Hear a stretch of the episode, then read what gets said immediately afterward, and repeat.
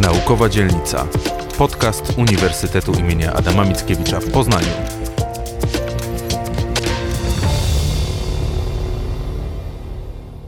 Dzień dobry, Naukowa Dzielnica. Dziś rozmawiamy z koordynatorem hubu B plus R Poznańskiego Parku Naukowo-Technologicznego, panem Dawidem Dzielińskim. Dzień dobry. Porozmawiamy trochę o food pairingu. Z czym to w ogóle się je? Jest to taki stosunkowo młody sposób tworzenia tak naprawdę produktów spożywczych, mocno różniący się od gastronomii molekularnej. To jest ważne, żeby sobie zaznaczyć, jaka jest różnica między gastronomią molekularną a food pairingiem. Gastronomia molekularna ma za zadanie zaskoczyć, zmienić trochę teksturę żywności, ale raczej ten dobór składników jest bardzo tożsamy z przepisem bazowym, który podlega na przykład dekonstrukcji. Czyli dostajemy wytrawne danie, które wygląda jak bardzo słodki apetyczny deser. Czyli to jest ten element zaskoczenia, czyli bardziej jest to zagranie techniczne. Natomiast food pairing niekoniecznie ma zaskoczyć formą, wyglądem, ale zaskoczyć połączeniem. Czyli staramy się zajrzeć w głąb składników danej potrawy, zobaczyć jakie mają profile smakowe, dopasować je ze sobą i może dograć do tego coś nowego, co będzie właśnie zaskoczeniem, a świetnie skomponuje się z końcową potrawą. To taka trochę podstawowa teoria, trochę podstawowa definicja. Można też stwierdzić, że food pairing to jest to sposób dobierania ze sobą składników na podstawie ich profilu smakowego w taki sposób, w którym one będą zaskakujące, ale także niezwykle smaczne.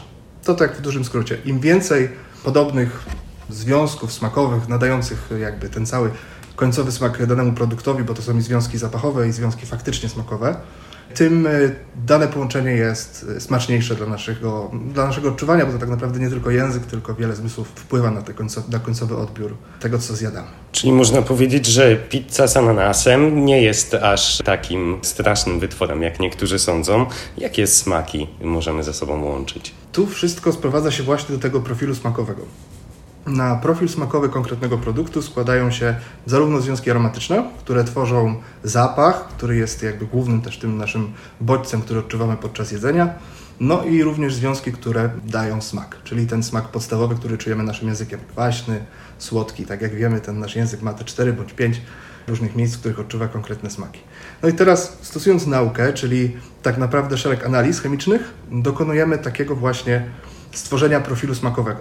I profil smakowy może powstać dla poszczególnego składnika, dla warzyw, dla owoców, dla mięs i może powstać dla końcowych dań, bo czasami stosujemy na przykład w naszych daniach humus czy jakieś przetworzone pasty, które są, mają już rozpoznawalną markę same w sobie, więc warto sprawdzić, jaki mają profil smakowy i z czym je dalej połączyć. I teraz, tworząc taki profil smakowy, osiągamy listę, taką pulę substancji chemicznych, które są zawarte w danym produkcie. To może być od kilku do nawet kilkuset różnych związków. I staramy się poprzez korzystanie z baz danych, w których mamy już informacje o takich produktach, stworzyć pewne połączenia i przeanalizować te dane. I teraz może się okazać, że takie produkty, które mają profil smakowy składający się z pięciu różnych substancji chemicznych, będą zawsze miały stuprocentową zgodność z większością produktów, no ponieważ produkty inne, na przykład warzywa czy na przykład owoce, mające profil smakowy rzędu 200 różnych związków chemicznych, zawsze w sobie te 5 będzie miało. Więc jednostronnie będzie to 5, 5 składników po tamtej stronie, czyli stuprocentowa zgodność, natomiast z drugiej strony może być dużo mniejsza. I tutaj też kluczowa jest analiza tych wszystkich informacji, aby stworzyć mm, jednoznaczne nakładanie się na siebie tych profili smakowych. I teraz, mając już te profile smakowe, bardzo ważne jest zadanie sobie pytania, czy ten produkt, który analizujemy, który chcemy połączyć, ma wyrazisty smak. Taki charakterystyczny, np. czosnek, imbir, czy chociażby ketchup. Tak? Ma wyrazisty smak, który może być zestawiony z innym wyrazistym smakiem o właśnie takim nakładaniu się profilu smakowego. No bo jeżeli będziemy mieli na przykład kalafior, który raczej ma smak neutralny, no to tutaj ta analiza faktycznie potwierdzi nam zgodność, ale nie będzie efektu zaskoczenia, bo te smaki nie będą zaskakujące. I tu może warto wspomnieć o pierwszym takim połączeniu smakowym, które powstało. To się wszystko zaczęło od takiego pana, szefa kuchni z Wielkiej Brytanii, który jest bardzo kreatywny, jest uważany również za ojca gastronomii molekularnej, no i włożył swoją cegiełkę także w food pairing, czyli właśnie w to dopasowywanie chemiczne. Zaczęło się od studiowania baz danych, informacji o produktach, od tego chemicznego, naukowego aspektu produktów i w konsekwencji wielu prób stworzenia właśnie takich zaskakujących dań. I w pewnym momencie udało mu się osiągnąć, osiągnąć, tak naprawdę stworzyć potrawę, która dla niego samego była zaskakująco pyszna i absurdalnie, absurdalna pod względem tego połączenia. Na pierwszy rzut oka można było stwierdzić, że jest to dziwaczne połączenie, ale zachęcony właśnie osiągnięciem tego, tego takiego efektu super dobrania składnikowego, on zaczął, jak również inni naukowcy, zastanawiać się, dlaczego tak się stało. I stąd właśnie narodził się food pairing. A to połączenie, które, od którego to wszystko się zaczęło, to połączenie kawioru i białej czekolady.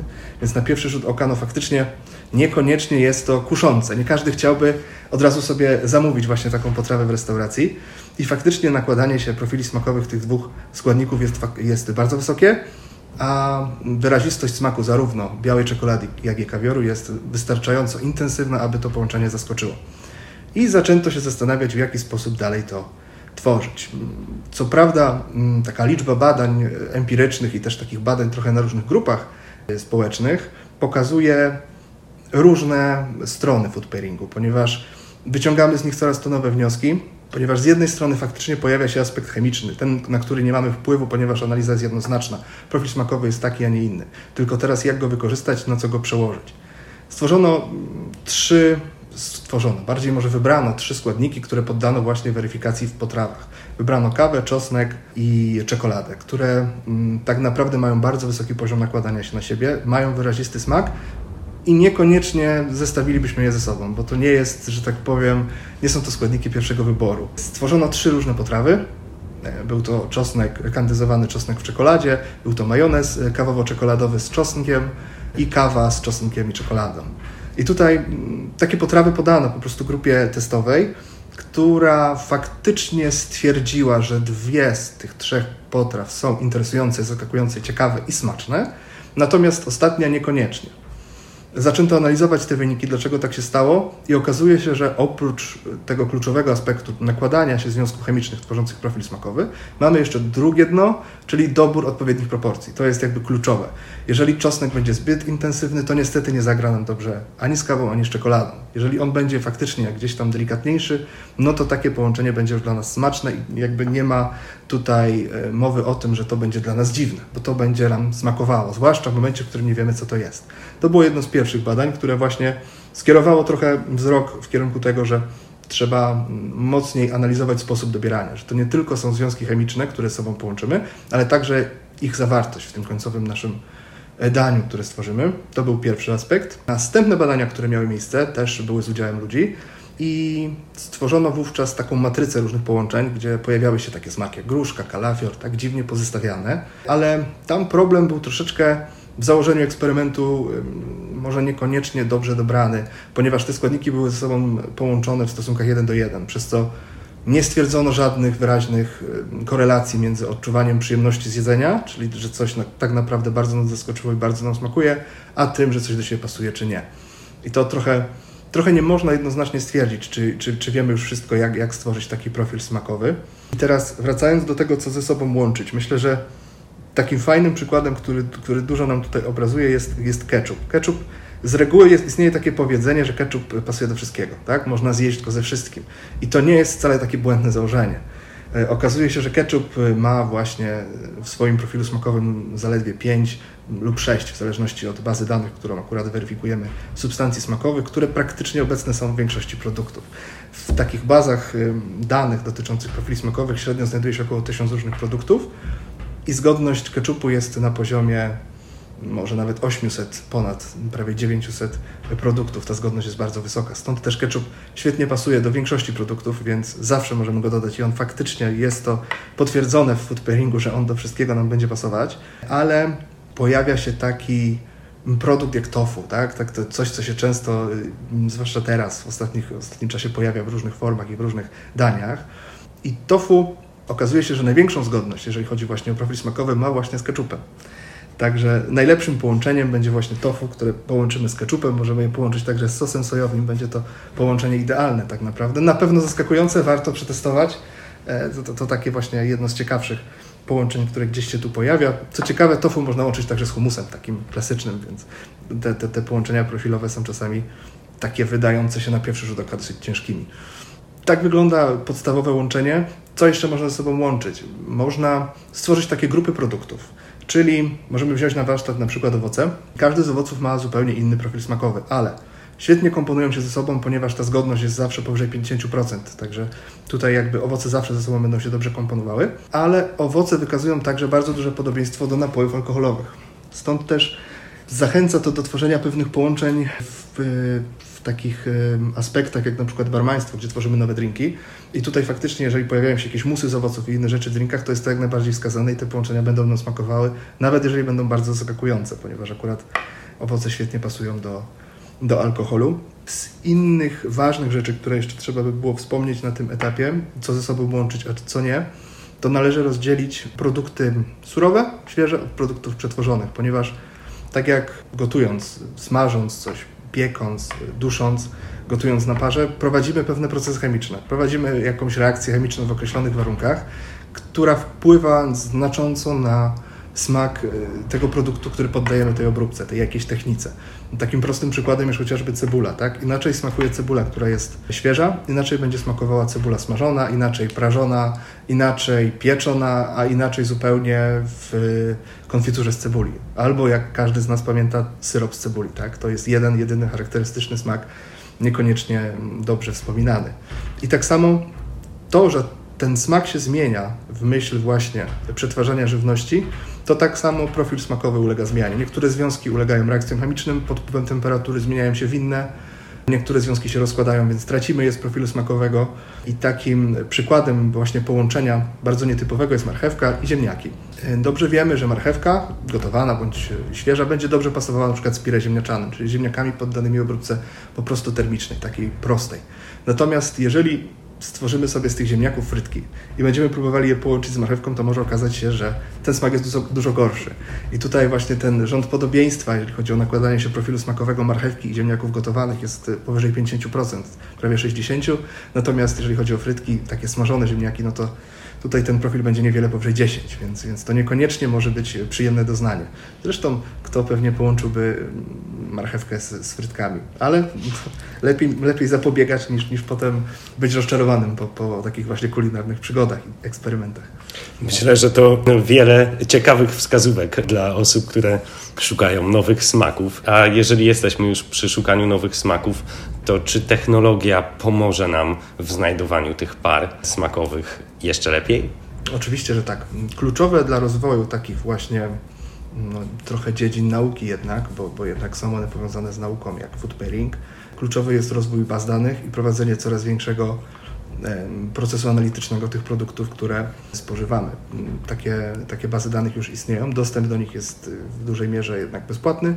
Jedyne co trzeba znać to, to umiejętność poruszania się po tych bazach, czyli potrafić jednak sobie te produkty tam znaleźć. Co ważne, analizom tych profili smakowych w bazach są poddane nie tylko właśnie produkty świeże, ale także przetworzone, jak również e, końcowe dania, bo na przykład sery, no to rodzajów serów mamy od groma, w zależności od kraju, więc każdy ser ma inny profil smakowy, więc ta technologia pod tym względem na pewno pomaga. Mm, bardzo skoczyliśmy do przodu, jeżeli chodzi o wszelkiego rodzaju e, metody analityczne w chemii, więc, więc analiza takich różnych surowców i produktów dzisiaj jest tak naprawdę w większości laboratoriów analizą rutynową. Jeżeli posiadamy wzorce tych składników, które, których będziemy poszukiwać w tym profilu smakowym danego produktu, to analiza zajmuje tak naprawdę chwilę i, i powstaje nam obraz tego, co w tym produkcie jest, zarówno pod względem tego, co dokładnie, jak również tego, w jakiej ilości. Więc ta technologia na pewno pomaga trochę można by nawet stwierdzić, że takie nowoczesne gotowanie, bo, bo to wiadomo, jest to metoda niekoniecznie polecana mm, do gotowania na co dzień, tak? to jednak trzeba mieć, mieć pewien zapał i chęć, żeby takie połączenie sobie znaleźć. Co oczywiście nie zmienia faktu, że istnieją przepisy już gotowe, które zaskakują, które są na tej podstawie stworzone, więc jest łatwiej, ale jeżeli chcielibyśmy podejść do tego tak od podstaw, no to pewnie bardziej ta, ta, ta wiedza food pairingu jest interesująca dla takich renomowanych, lepszych restauracji, które chcą zaskoczyć, gdzie szef kuchni będzie miał ambicje i pewnie jakąś znajomość chemii, żeby móc przeanalizować e, te dane, które powstają, które te bazy danych dostarczają i ewentualnie wiedzieć, gdzie trafić, aby produkt stosowany w swojej restauracji poddać analizie i stworzyć taki profil smakowy, bo to jednak laboratorium musi dysponować chociaż minimalną aparaturą analityczną, chromatografami na przykład, czy spektroskopami. I teraz sprawa się komplikuje momencie, w którym wiemy już, co chcemy ze sobą stworzyć, ale nie wiemy, mm, jaki będzie ten efekt końcowy, więc pojawia się jeszcze ten cały aspekt y, różnych prób, różnych y, testów, y, no bo jak wiemy, papier przyjmuje wszystko, więc to, co nam wychodzi z, z analizy, jest jakby pewnym wzorcem, ale trzeba go zweryfikować. Tak jak mówię, trzeba jeszcze dobrać proporcje, więc to się będzie wiązało z pewnym czasochłonnym procesem tworzenia tego końcowego dania, więc to też jeszcze dodatkowo kieruje ten, ten cały element food pairingu bardziej w stronę jednak ambitnej gastronomii.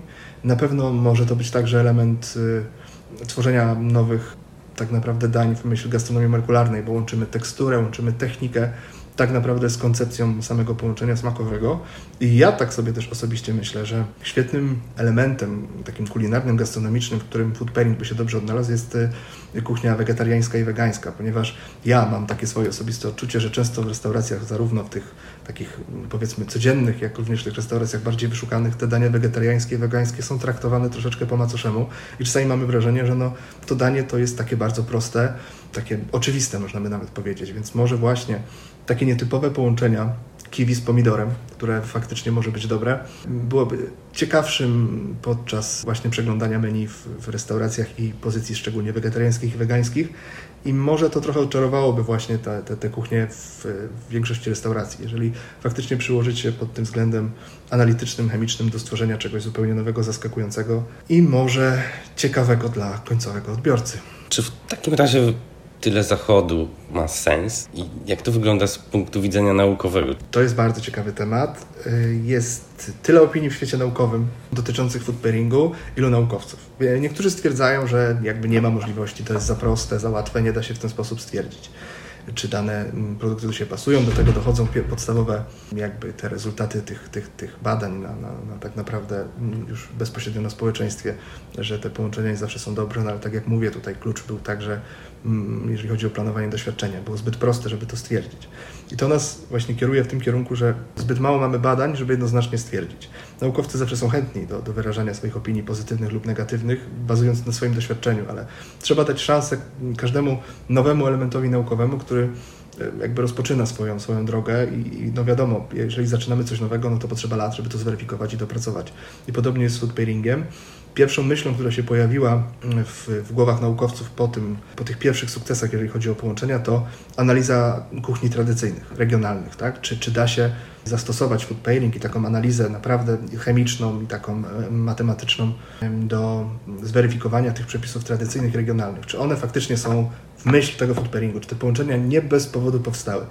No i efekt jest y, zaskakujący, ponieważ okazuje się, że kuchnie zachodnioeuropejskie i nasze, środkowoeuropejskie, jak również kuchnie północnoamerykańskie, jak najbardziej przepisy tradycyjne w dużej mierze pokrywają się z food pairingiem, z tym, co osiągamy w takich analizach właśnie tych profili smakowych. Ale zaskoczenie pojawia się w przypadku kuchni właśnie azjatyckich, wschodnioazjatyckich, gdzie ta definicja łączenia tego, co ze sobą jest podobne pod względem budowy chemicznej, składu chemicznego, jest zupełnie odwrotna. Tam dania składają się ze składników, które zupełnie się nie pokrywają. Jakby ten trend jest odwrotny. Im mniej podobnych tych właśnie związków w profilu smakowym, tym te dania są smaczniejsze, jeżeli chodzi o, o kuchnię właśnie azjatyckie. Więc to wszystko pokazuje, że uwarunkowanie regionalne i przyzwyczajenia także mają wpływ na, na to, w jaki sposób dane potrawy będziemy odbierać. I takim przykładem innym jest chociażby cynamon i pomidory, które w myśl właśnie food pairingu nie powinny być ze sobą łączone, a w Grecji w wielu potrawach jest to podstawowy początek, jakby od tego się zaczyna gotowanie, żeby właśnie te dwa składniki ze sobą połączyć. Więc zarówno takie uwarunkowania regionalne i przyzwyczajenia, mają wpływ na to i kolejnym elementem, który będzie miał wpływ na to, jak, jak, jak ten food pairing będzie się sprawdzał, jeżeli chodzi o to, jak, jak, będzie odbierany i na ile będzie skuteczny, są też przyzwyczajenia konkretnych ludzi. Tak naprawdę każdy z nas jadł gdzieś w domu jakąś zupę, rosół, barszcz, cokolwiek, czy kotleta schabowego i on, ten, który jedliśmy w dzieciństwie, będzie tym najlepszym w większości przypadków, czy to, czy to u babci, czy to u mamy. I to jest też pewne przyzwyczajenie, czyli ten początek, kiedy te smaki powstawały, przez to dużo trudniej jest nam się przekonać, że jeżeli ktoś nam go połączy w sposób idealny pod kątem chemicznym, i trochę pozmienia w tym kotlecie schabowym, no to my się nie zgodzimy, że on jest lepszy. Absolutnie. Ten lepszy jest ten podstawowy, ten zwykły. W najgorszym wypadku smażony na margarynach, na jakichś jeszcze dziwnych innych tłuszczach i faktycznie ten będzie dla nas najsmaczniejszy, bo to jest ten nasz smak, który znamy najlepiej i po prostu się do niego przyzwyczailiśmy. Stąd też moim zdaniem nie można jeszcze jednoznacznie stwierdzić, czy naukowo food pairing jest zasadny, ponieważ w wielu przypadkach bardzo dobrze się pokrywa i jest uzasadniony, ale zbyt mało mamy badań takich, które by to jednoznacznie potwierdziły. Takich może bardziej zaawansowanych badań, nie takich prostych, na małej grupie jakby badawczej, małej grupie eksperymentów, bo to, to jeszcze jest za mało, żeby to jednoznacznie potwierdzić. Myślę, że wielu z nas dzisiaj odetchnie, myśląc o połączeniach smakowych, które stosujemy. Bardzo dziękuję za rozmowę. Naszym gościem był koordynator hubu B plus R Poznańskiego Parku Naukowo-Technologicznego, Dawid Zieliński. Dziękuję bardzo. Dziękuję bardzo.